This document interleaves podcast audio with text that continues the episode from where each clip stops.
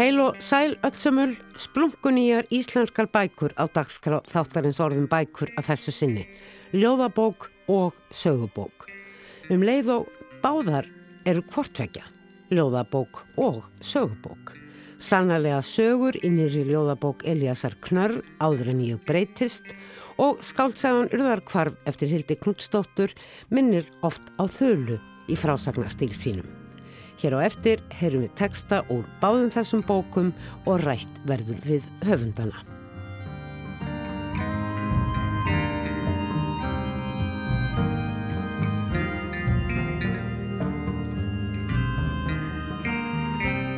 Hildur Knutsdóttir hefur sannarlega á síðustu tíu árum auðgað flóru íslenskra bókmynda með fantasíu og hryllingskendum skáldsögum sínum sem ímist eru ætlaðar börnum og úlingum eða fullornum.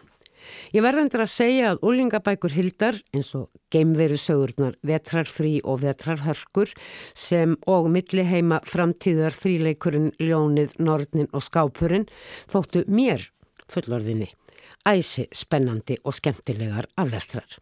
Ég hitti Hildi á vinnustofunar á Hallvegastöðum í síðustu viku í tilefni útgáfu nýrar ungmenna fullorðins bókar eftir hana.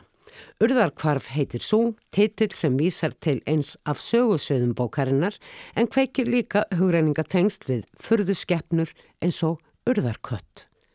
Ég byrjaði hins vegar á því að spyrja Hildi sem er Reykjavíkur höfundur hvort hún gerði sér grein fyrir að tímalína ritthöfundar ferils hennar væri nákvæmlega svo sama og Reykjavíkur sem bókmentaborgar UNESCO. Nei, ég vissi það ekki í alverðinni. Já. Já, vá, um, já, sláttur fekk náttúrulega nýrastastyrk, er það að tala um það? Nei, býtið. Væntalega verið eina fyrstu bókonum sem að uh, fekk nýrastastyrk, sláttur. Allir það ekki? Sláttur er, jú, fyrsta bókiðin, kemur úr 2011 og um, það er kannski svona rönnsægasta bókiðin. Uh, já, náttúrulega fyrir utan bækuna sem ég skref með Þortísi Gísla. Uh, það er enda rétt. Já. En sko, mér fannst ég ekki verið að skrifa förðusögu þar, sko, og í sletti. Ég held að þetta væri bara svona skaldsaga, rönnsæg skaldsaga, en svo er þetta alveg förðusaga líka, sko. Þar er ég kannski svona fyrðursaknahöndur í afnættun Það er kannski ekki hægt að tala um tvo heima í slætti, þetta fjallar ju um unga stúlku sem að mhm. færi hjarta og, og upplifir nýjar tilfinningar sem hún tengir við hjarta gafan Já. þannig að þetta er svona ákveðin tegund að tvífara minni Já, alveg klárlega svona tvífara minni og svo líka svona, þetta er alveg svona læknisvísindas skaldskapur líka sko. Hérna, ég fekk hugmyndina að slætti þegar ég sérst las greinum sérst, læknir sem búin að sapna sögum af líffæraþegum sem að telja líffærið hafa breytt sér. Og það var með alls konar eitthvað svona kenningar um hérna, frumu minni, sérst að minnið sé ekki bara í heila frumunum heldur hérna í öllum frumum líkamanns og um leið og tengir þá eitt lík, líffæri við blóðrásuna þá komið minningar svo við erum að tala um aðra lækni sem eru bara þetta er kæft að eitthvað hérna. Þú skrifar gætnan svolítið í kippum mm -hmm. þið þórtins að við skrifa saman tvær dotabækur og tvær bækur um Vigdísi fríðu yeah. og uh, svo eru vetrarhörkur og vetrarfríð, það eru líka tvær bækur svo er það stóri þríleikurinn sem þú saður við mig í viðtali að væri beigður á einni hugmynd, það mm -hmm. hefði verið ljóst strax í upphafi að vegferðarinnar að þetta erðu þrjár bækur frá mismunandi tímaskeiðum, dæmigerð milli heima saga og framtíðarsaga í rauninni líka mm. og svo ertu núna nýbúin að senda frá þér bók Örðar kvarf og sem er helst í hendur við bók sem kom fút bara í hittifyrra eða hvað, yeah. myrkrið á milli stjarnana mm -hmm og, og allt bendir eh, til bæði innihald og uh, útlitt mm -hmm. að þessar bækur svona hangi saman að minnstakosti tematist yeah. þar koma kettir mikið við sögu en engum og sérlega er þetta eins og reyndar kannski hinn og sögnaðinu líka þetta er svona ættarsaga, þetta er svona fjölskyldu uh, drama innan mm -hmm. gæsalappu og þó ekkert innan gæsalappu, þetta eru erfileikar sem að búa í fjölskyldinni. Urðarkvarf, er hún orðin til sem hugmynd eh, í tengslum við myrkur á milli stjarnana? Um, sko ekki kannski beinlinis. Mér fannst droslega gaman að skrifa myrkrið. Ég skrifa hann ótrúlega krefjandi þríleik og að skrifa myrkrið var svolítið svona svo farið styrtu. bara eftir Skella sér. Skella sér styrtu. Og þannig mér fannst droslega gaman að geta tekið einhvern veginn, einhverja hugmynd og bara stuttasögu og klára hana. Þannig að mér fannst það rosa skemmtlegt. En svo er henni kom hugmyndin að urðarkvarfi til mín bara, veist, uh, ég hafa búin að fylgjast þarna með villiköttum, samtökunum sem eru að berga köttum og svo var ég alltaf að lappa með hundin minn og það var sérst köttur sem að bjó eða býr, ég veit ekki hvort hann er þarna ennþá, læða sem býr í uh, steinvegnum hérna við eðskranda og ég var alltaf að sjá hana og svo sérst langaði mig líka að skrifa um mannesku sem að lendir í þessu sem að Eik lendi í þegar hún var lítil mm. og hérna og einhvern veginn kom þetta bara saman og það var einhvern veginn eftir að ég var byrjuð að skrifa þá fatta ég að hérna, ég er eiginlega að skrifa um personu sem er í myrkirinu líka því það er tala um stelpu sem er alltaf á hverfi síðunni hérna, og er alltaf að lesa köttum sko.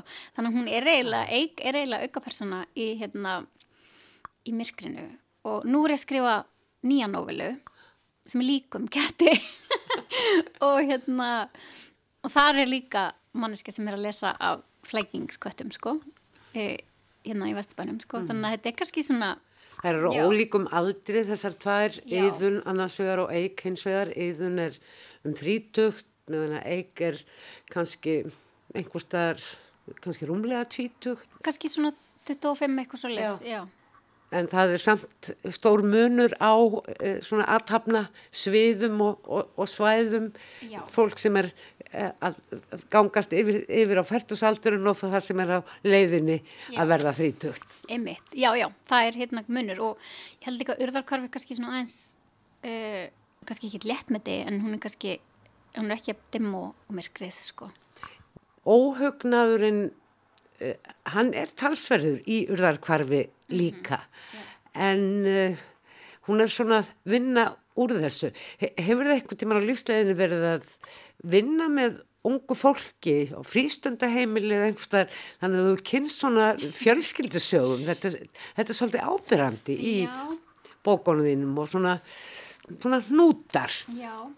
Nei, ég hef ekki gert það sko. Og hérna, mjög áhugavert ég skrifa svolítið mikið um konur sem eiga ykkur erfið samband við mæður sínar. Mm. og móðin mín er alveg sakleis af því. Hérna, um, ég hafa mjög góða sambandi við móðin mína og fjölskyldina mína og hérna en þetta er bara einhvern veginn, ég dregst svolítið að þessum sögum. Maður er náttúrulega búin að lesa svo mikið og svo mikið af barnabókum er náttúrulega um hérna munaleysingja það þarf, þarf alltaf einhvern veginn að drepa fóreldrana til að, hérna, til að börni geta lendi einhverjum æfintýrum af því að það vera að fylgjast og vel með börnum þá er náttúrulega ekki hlifti í eitthvað svona rögl sko. ég veit ekki alveg hvaðan það kemur sko. En það er kannski bara þitt eigið foreldri, svona hvernig maður er gott foreldri og af sjálfu leiðir hugsa maður líka hvernig er vond foreldri. Eða foreldri sem að, já, þar sem barnið eh, endar í einhvers konar ángist eða hnút sem maður þarf að leysa. algjörlega og nú náttúrulega þegar ég á börn þá er maður alltaf að ágjöra að gera eitthvað sem að muni marka þau, þú veist, fyrir lífstíð sko, þannig að hérna maður alltaf svolítið svona bugar á ábyrð sko. Þetta er novela eins og þú segir, þetta er stutt skáltsaga, það er ekkert valið lengi við, þetta er, þetta er stór mál. Þarna er stúlkas eig sem elst upp við afar eh, brógaðar fjölskyldu aðstæður, móðurinn er drikkveld, útigangskona síðar meir og uh, hún lendir á fósturheimilum, hún eignast reyndar góða fósturforeldra fyrir rest og þar eignast hún líka vinkonu sem stendur með henni eða þær ná saman, svona líkt og systur ná saman. Það er kannski ekki allt sem þeim finnst gaman að gera með systurðinni en hún, hún er samt einhvern veginn hluti af uh, þér. Hvernig vinnur þetta? Skrifar þau miklu meira og strykar síðan út eða er þetta svona skissa sem þú hendir upp og bætir síðan eftir því sem við á kjöta á beinum? Sko, uh, sérst, í fyrsta lagi varandi eins og hérna, fórsturheimilinn og barnavendar, það, það er nú eiginlega að koma því því ég er að skrifa núna líka úlingabók um stelpu sem að hefur verið í svona batnavendakerfinu. Þetta hafi ekki laumast inn þar að ég er búin að vera að kynna mér það svolítið, ég er búin að vera að tala við fólk sem er að vinna á batnavendanemnd mm. og kynna mér svolítið þær aðstæður sko. Þannig ég er sérst búin að vera að vinna í úling, úlingabók um þetta. En hvernig ég vann þetta sko, urðarkvarf, ég sérst, já, svo er ég með sérst aðra úlingabók sem að kemur út uh, næstu jól vonandi, hún er svolítið svona stór og þykk sko og ég kláraði hann í haust. Og urðarkvarf var styrtan sem ég fór í eftir eftir að ég kláraði það handrið og hérna og hún kom bara mjög fljótt og ég kláraði hann hann í nógumber og svo breytti við eiginlega ekki staf þannig að þetta er eiginlega svo bók sem ég þurfti að endurskrifa minnst En var þið strax ljóst að þetta væri einhvers konar sýstur frænga myrkusins á millistjárnara? Já, ég var alltaf búin að fatta það áður en ég byrjaði að að skrifa. Þegar hugmyndin kom. Já, hérna svona þegar, þegar hugmyndin var svona alveg fullmótuð þá fatt, og ég segi ofta þetta er svona góða sýstir myrkursins mm. af því að hérna, það eru kettir sem lifa myrkrið ekki alveg af sko mm. um, en, en þarna er ég að bjarga köttum. það verður nú að segjast eins og er að allavega fullvanni lesandi eins og, eins og ég verður forvitin um þessar kattar konur eins og mm -hmm. Dorotheu og ég man ekki hvað hinn hétt sem er yngri, Júlia en við fáum e-, ekki mikið að e, vita um þær en þær eru alveg áhugaverðar personur Já og misti þetta alltaf bara svo magn veist, það er alveg fólk sem er að bjarga göttum og misti þetta alltaf svo magnað. Í rauninni bara allt hugssjóna starf þú veist. Eh, við erum alltaf að tala um björgunarsveitinu miklar hetjur sem þeir eru klárlega náttúrulega mm. en þetta er björgunarsveiti sem er bara að björga köttum. Bara sem manneski á sem höfundur minnst allt svo áhugavert svo alls konar kemar það sem er eitthvað svona menning sem maður kannski þekkir ekki til. Finnst alltaf svo rosalega áhugavert að fá þennan að kíkja inn í eitthvað svolítið Hvað fólk tekur sér fyrir hendur? Já, einmitt sko og það er margt mm.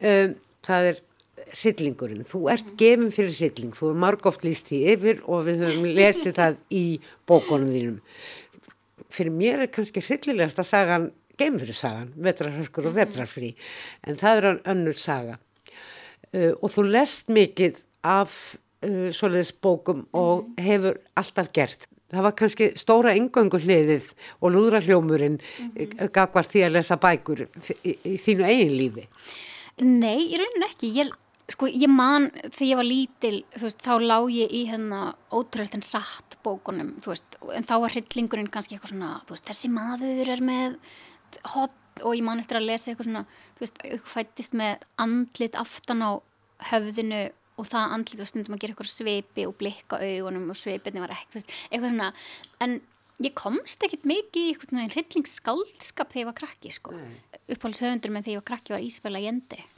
og og ég las þær bara eins og fantasýr af því ég vissi náttúrulega ekkit mikið um Pinochet og Chile og Söður Ameríku og fyrir mér gæti þetta allt eins verið bara veist, og það er náttúrulega galdrar og þú veist, kona sem fæðist græn og mér fannst það bara í raunin sem förðusögur sko. Ég, ég elska X-Files þegar ég var krakki, mm. það var upphóðstættirni mínir. Þú veist, þannig að það var kannski frekar gegnum sjómvarp sem að ég komst í sillingin og í svona lífitur nátt hérna einhverjum bókum.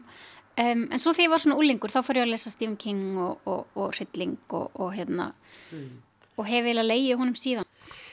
En þú ert uh, gjörn á að uh, ég veit ekki alveg hvernig ég á að orða það að gefa Rillingnum einhvers konar fótfestu í raunveruleikanum mm -hmm. og það er til dæmis í urðarkvarfið þá er Rillingurinn þessi óvera þessi mm -hmm. urðarköttur, urðarkvarf mm -hmm. tilhengu til að kalla hann svo þessi skeppna sem hefur leitað á eik mm -hmm. að hún hefur farið til sálfræðist þú ert líka að setja þetta í svona ákveði samhengi og gerir það líka í rauninni við milli heima eins og í norðnarfríleiknum eða ljónsfríleiknum kannski öðruvísi gemverubókunum en raunsæðir aldrei langt undan Þetta eru náttúrulega oft þjóðsagna uh, verur sem þú ert að nota. Mm. Hefur þú kynntir það uh, svona nákvæmlega? Uh, þjóðsagnar, jú, þú veist, ég las þjóðsagnar sem krakki og, og ég hef staðið eins og ekki að þeim uh, fyrir nokkrum árum ég var nú alveg að drauga sögurnar samt held ég. En nei, mér finnst rosa gaman sko eins og með myrkrið millir stjarnana, bara ég tek hana sem dæmi þegar ég fekk viðbröð við henni þá voru sömur eins og mamma mín ringdi í mig hún var alveg bara, já það er augljóst að yðun er með skitsofrenju þú veist, eitthvað hérna. Mm. en svo voru aðrir bara, nei það var augljóslega draugur. Eitthvað svona, og mér finnst það rosa gaman ef að maður nær að hitta á þú veist Þú veist að leika þér við, við báða hópa. Já, dansa svolítið á milli og Já. skemmtir þér. Já, og þú veist, og mér finnst það rosa gaman ef að þú veist, einhverjum finnst þetta augljóslega að vera þetta en hinn finnst þetta augljóslega að vera hins einn mér finnst það svolítið svona skemmtileg staður að vera á sko, það er kannski eins með eik. Er þessi vera aðni í alvörunni eða sér hún hana bara og er þetta skrýmsli eða er þetta ekki skrýmsli og þú veist, en svo er náttúrulega raunverulegi hryllingurinn bara svo í spóili smá kannski ekki veran heldur þú veist, hennar eigin fortíð já, benska já, það er raunverulegi hryllingurinn sko. Og það sem er líka kannski skemmtilegt að skrifa fyrir fullortna er að maður getur ekki það að maður getur ekki treyst úlingum sem lesendum en maður getur allt stærri þagnir og maður getur svona lagt aðeins meira á herðar eða svona ábyrðina af tólkuninni á lesandan sko. og hérna, mér finnst það skemmtilegt. Nóveluformið býður líka svolítið upp á það. Við ætlumst til meira í þykri bók. Já, algjörlega. Og hérna og líka bara sem lesandi finnst mér oft gaman þegar það er ekki allt tólka og sett í samhengi fyrir mig sko. en hins vegar, ef maður er að skrifa fyrir börn og úlinga, þá er meiri ábyrðarhluti sko, ég held þú getur gert barnabækur eins ógislegar og þú vilt en svo verður það svona eiginlega að skilja við þau á einhverjum örugum stað svo getur þú skilja fullorna lesendur eftir bara hvar sem er sko. þannig að hérna, já, þannig að mér finnst það skemmtilegt sko. Þú skrifar á hverjum degi, ertu með hugmyndabanka á skjánum en þá ekki sérst neitt til bots í því, er það? eh, Eftir 11 ár? Nei, nei, og ég fæ alltaf bara fleiri hugmyndir sko. Fyrstu árin var ég yfirlt bara með eina hugmynd um, og ég man eins og þegar ég kláraði vetra hörkur þá var ég bara, "Guð, hvað á ég að fara að skrifa næst, ég er ekki með neina hugmynd. En svo kom hún, en núna, þetta er eiginlega luxusvandamál sem er samt erfitt sko, eins og núna er ég með þú veist, fjóra bækur sem ég langar að skrifa og ég þurfti svo ákveða bara hvað ég byrjaði á næst sko. Er þá komið svona einhvern persónugalleri, einhver vísir að því eh, á samt sviðsmynd eh, Já, uh, ég fæ yfirleitt hugmyndir af svona plottum fyrst sko og svo verður kannski personan svona freka til þegar ég er að skrifa sko en ég er alveg komið með, já þannig ég er komið með hérna, umhverfi og já, já, þannig að sjá myndir. Já. Þannig og nú er ég að skrifa hérna uh, nýja novelu sem að ég var að byrja bara í, á fyrstu daginn, já, fyrir helgi. Sem að kemur í kjölfar stóðrans sem að þú þegar búin að láta frá þér. Já, Þú ert ótrúlega yðin og dögleg, satt. sko mér finnst ég aldrei vera að gera neitt. Mér finnst ég einhvern veginn eða rosa miklu tími í eitthvað rugl bara. Sko ég skil ekki alveg höfunda sem geta verið fimm ára að skrifa bækur á, mér langar alltaf bara að fara að gera eitthvað nýtt þú veist, og þegar ég er búin að vera svolítið að vinna í sömu sögunni þá fara alltaf einhverja aðrar hugmyndir að tóa í mig, þannig ég dáist rosa að höfundum sem geta setið yfir einni bók í fimm ár, ég myndi ekki geta gert það. En þetta er góður uh, staður að vera á, að vera rithöfundur Hildur Knútsdóttir. Þú ákvaðst til snemma, þú varst bara eh, rúmlega, eða hvað, 25 ára þegar fyrsta bókin kom út, ekki? Eh, ég var 27? 27, já, ég var 27 ára, já, en þá er ég búin að skrifa í 10 ár, sko. Og ég ákvað þegar ég var 18 ára, ég ætla að vera reytöndur. En svo lesa má um í essayu sem þú skrifaðir í Poetika Reykjavík sem kom út að tilefna 10 ára ammali bókmyndaborgarinnar. Svo við endum nú þar sem við byrjuðum. Emmi. Bestu þakkir Hildur Knútsdóttir. Takk fyrir. Við erum búin að fara mjög völd Já, svo saman. og lásum ekkert. Nei. En hvað lesa aðeins? Já. Grjótið í vegnum er blöytt. Vatnið lítur að leka niður á milli hnullungana. Ég velti fyrir mér hvort læðunni hafi tekist að finna þurran stað eða hvort hún liggja hérna blöyt með kettlingana sína. En jafnvel þótt hún sé þurr hlýtur að vera kallt að kúra á milli steina. Það er undarlega hljótt. Mér líður ekki eins og við séum inni í borginni, heldur eins og við séum stattar lengst úti í sveit. Þar í fjarska heyri ég í bíl, en hérna er engin á ferli. Það er greinilega lítið um að vera í svona yðnar hverfum á kvöldin. Ég lít um öxl. Dóratea er komin langt í burtu. Ég sé hana ekki. Ég sé bara geistlan frá vasiljósunennar þar sem hann fellur á veggin, lýsir upp hluta af honum eins og leikmynd á sviði. Ég geng áfram, lætt geistlan renna fram og aftur yfir grjótið, í vonum að hann endurkastist af glirtnu. Þá sé ég hreyfingu fyrir ofan veggin. Eitthvað hverfur á bakveðan í jæðri geistlans. Ég nefn staðar. Það rennur kaldur ströymur frá bringunni niður í kvið, út í handlegjana og fram í fingurgóma. Adrenalín. Ég heyri ding eins og einhverju þungu sé slengt í blöytt grasið. Það er eitthvað hinum með veginn. Ég vonaði að sé kötturinn, það hlýtur að vera kötturinn. En ég er ekki viss, því það sem ég sá var of stórt til að vera köttur. Það var, nei, það getur ekki verið, því hún var ekki til. Hún var aldrei þar. Ég fikra mig nær vegnum.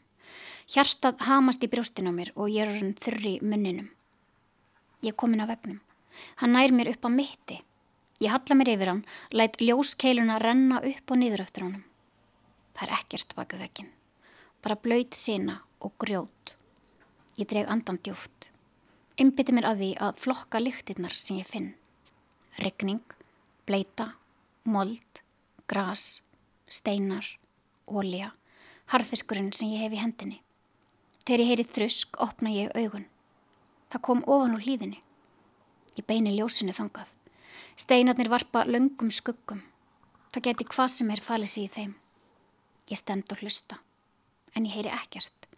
Ég let geyslan renna fram og aftur. Í andartak finnst mér hann endurkastast af einhverju, mögulega glýrnum, en svo átta ég með því að blöytt grjótið glansar í byrstunni. Ég lýsi aftur niður á veggin og geng áfram.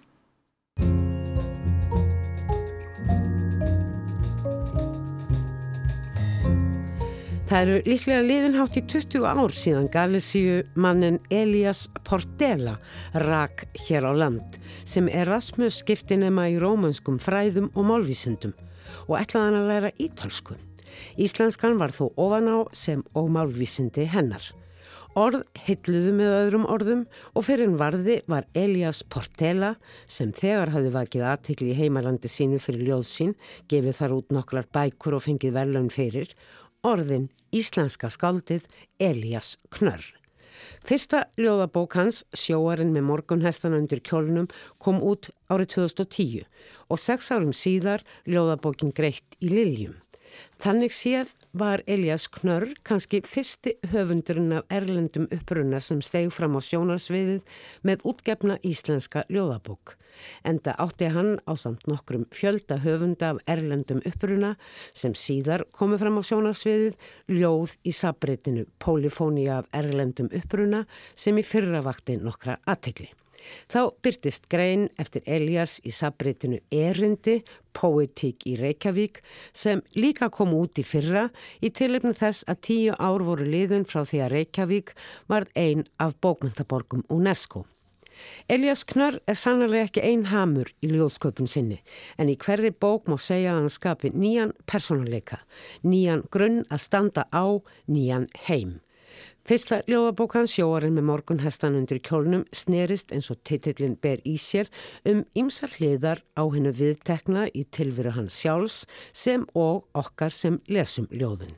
Sjálfur lísti Elias þessari bóksinni í viðtal við Kristján Guðjónsson í DFF árið 2016 með þessum orðum. Ljóðakenningar mínar hafa alltaf snúist um að neutralisera yrkjandi egoið, þannig að heteronýmið sem þýðamætti sem kvarf nefni, leif ég mér að skjóta inn í, var mjög eðlilegt skref, heldur Elias áfram, og líka aðferð til að þela sig. Ég skapaði personleika, saði Elias í viðtalinu við Kristján. Í þessu viðtali í DFF árið 2016 rættu þeir Elias og Kristján þó mestum ljóðabókina Greitt í Liljum sem var nýkomin út. Í þeirri bók er Elias meðal annars að pæla í endurgjaldi þess að geta ort ljóð, engum þegar ljóðin snúast um að skapa sjálfsmynd sína og örlög sem er kannski höfuð intak bókarinnar þar sem snúiður upp á tungumálið, íslenskuna, oft með hrífandi hætti og geistlum ljóðsins beitt til að lýsa hluti og samhengi upp frá ólíklegustu hliðum. Þannig eru ljóð Eliasar ekki síður upplifun en að í þeim byrtist einhvers konar niðurstaða eða greinandi myndir af aðstæðum og samhengi. Hér er allt á hreyfingu, öll hefðbundin samsömun eins og til dæmis á grundvelli uppruna, útlits, kyns eða hvaðina dreyið í Eva. Elias hefur líka vakið aðtikli þegar hann flytur ljóð sín með söng og látbræði. Ég var því forvitin þegar mér á dögunum barst í hendur ný bók eftir Elias Knörr, áður en ég breytist, og um sviparleiti sá ég á Facebook auglistan viðburð í Gröndalshúsi með sömu yfirskrift og var sagt að þetta veri forsýning fjögur.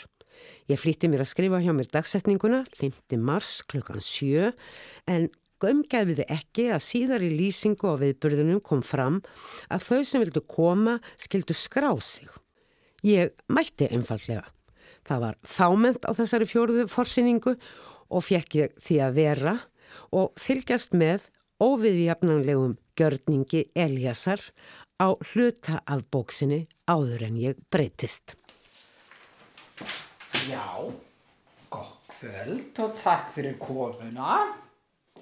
Já, þetta er einhvers konar gjörningur til þess að kynna eða til þess að skapa einhvers konar örugt uh, sviðsrými fyrir mig og heilan minn og einhverfu mína líka. Þannig að uh, ég er að þróa þetta konsept. Og fyrst og fremst vil ég vara ykkur við að þetta eru framstefnu ljóð.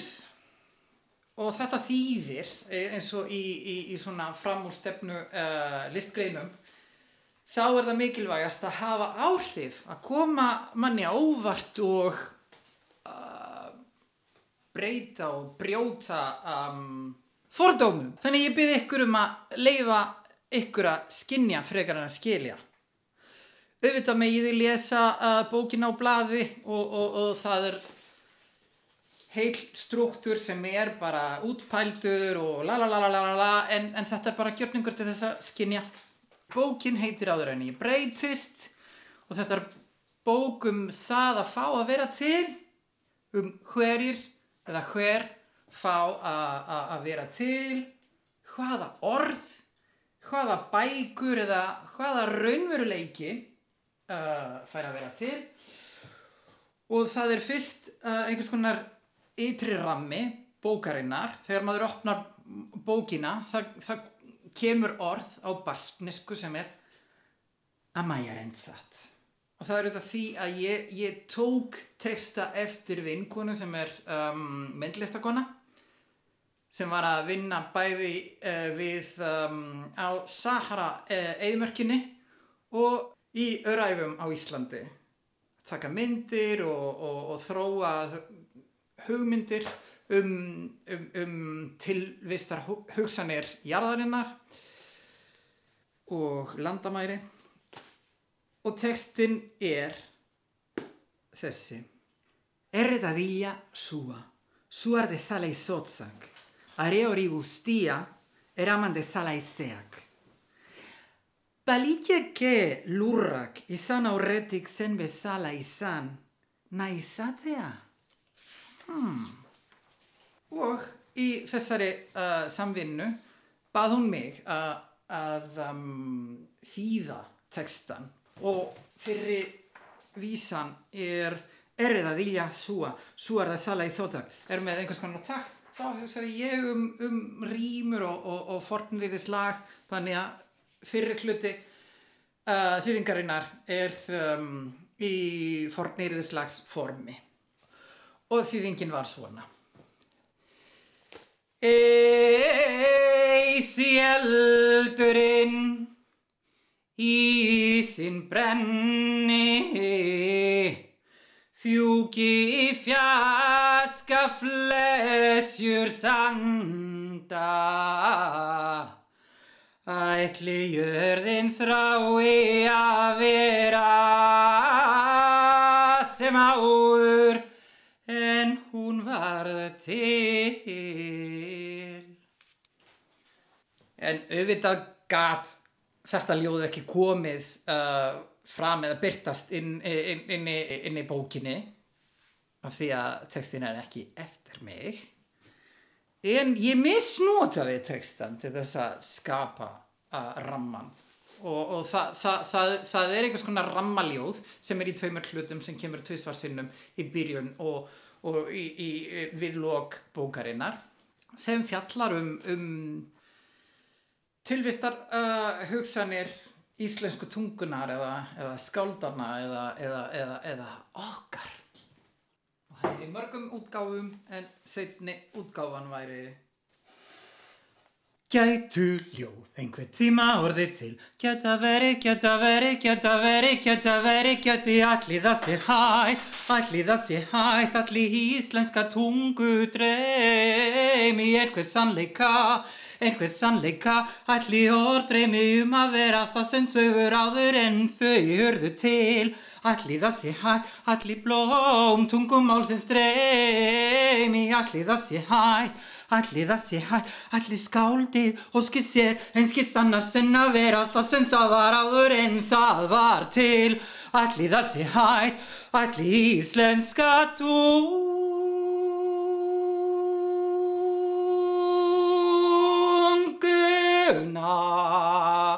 Bam, bam, bam, bam, dreymi einhver sannleika, dreymi einhver sannleika. Ætli íslenska tungu dreymi einhver sannleika. Ætli okkur dreymi eitthvað satt.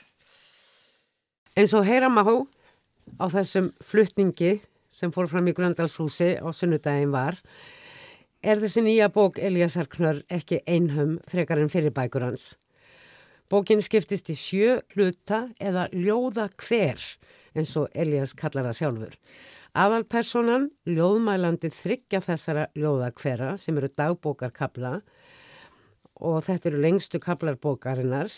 Ljóðmælandi þar er Evgenia en fremst í bókinni er upplýst að Evgenia sé sögumadur fundin upp og rannsökuð þegar höfundunöld listamannarlögin árið 2018.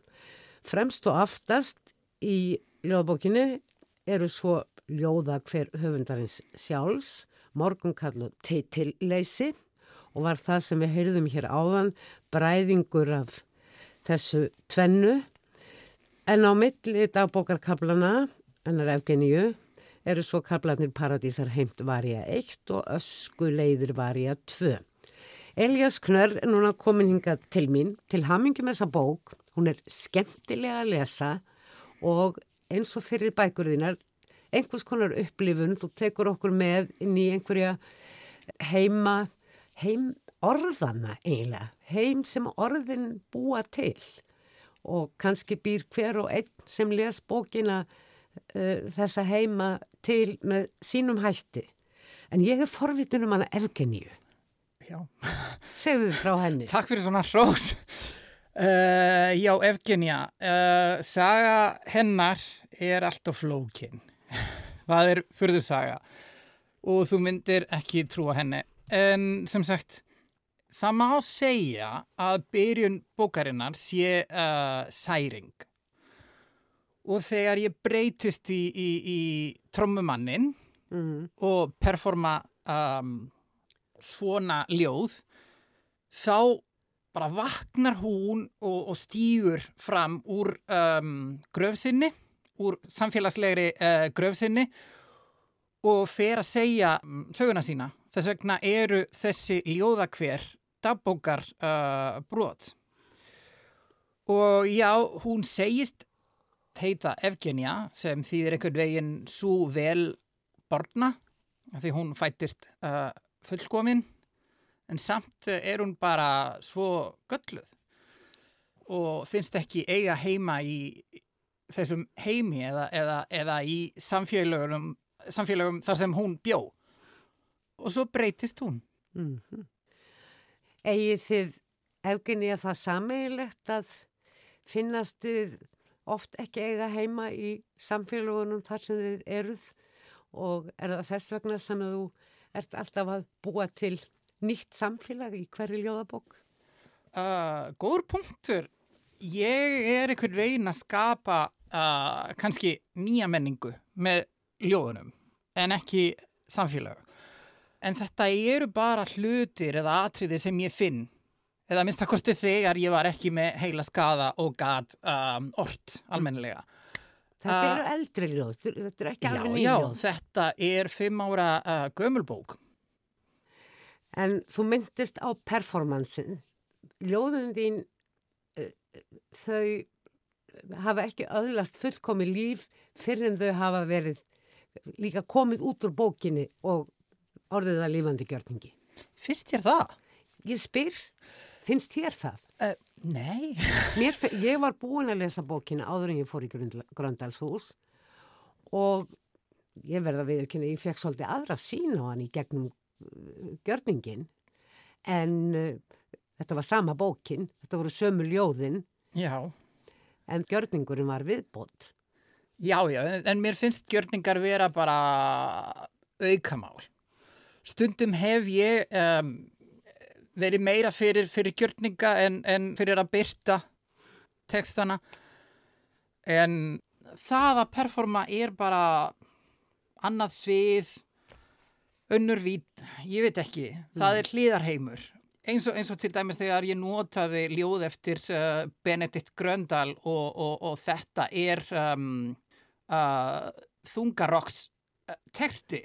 Heyrum brot úr gjörningi Eliasar Knörr í Gröndalshúsin íverið þar sem Evgenía mælir og þungar okkarinn Gröndal kemur við sögu.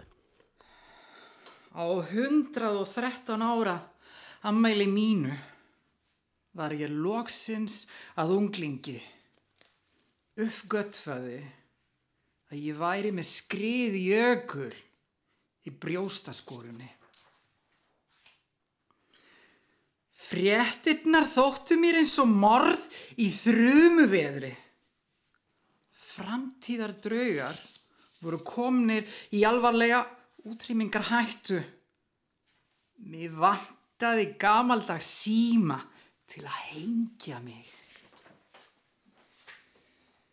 Ég fjekk ekki grímur og gas í fermingarveislunni.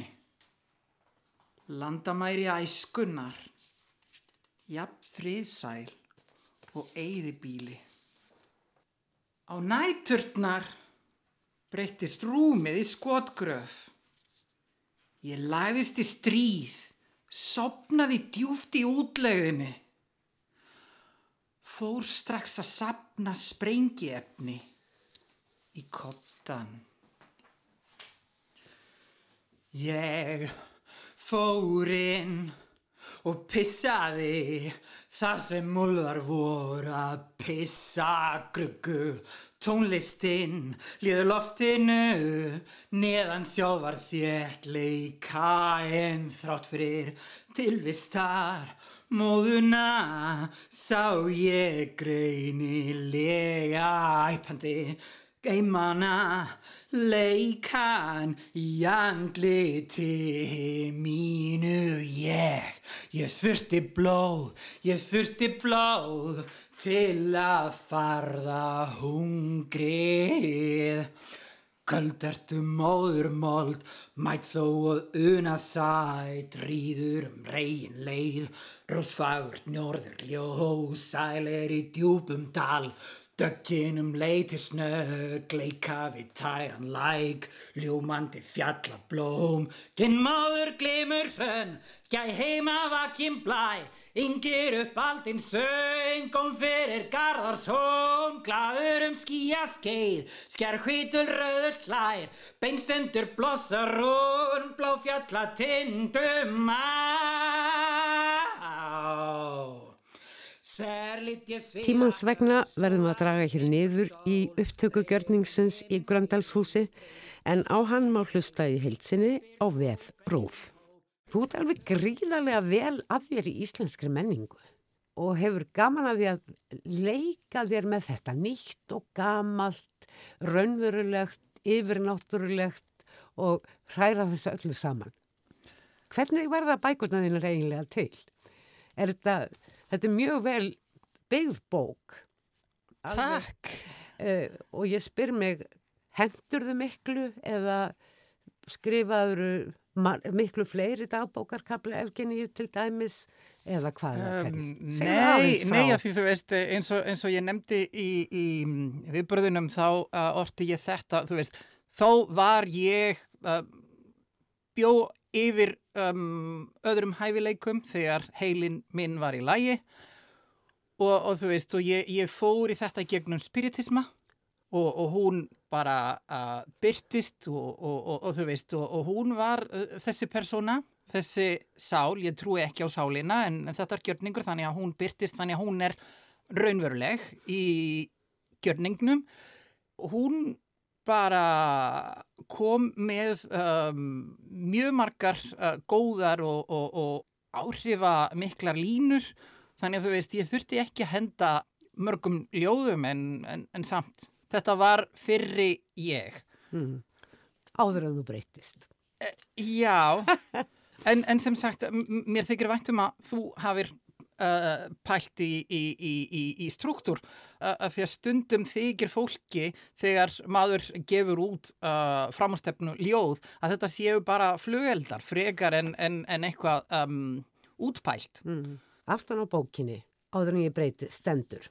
Áður en ég breytist er svaðilför í ljóðum þar sem höfundurinn keppist við að bjarga minningum minningum sínum, bæti ég hér við, minningum Evgeníu. Og svo stendur þessi eindæma músa má ekki hverfa.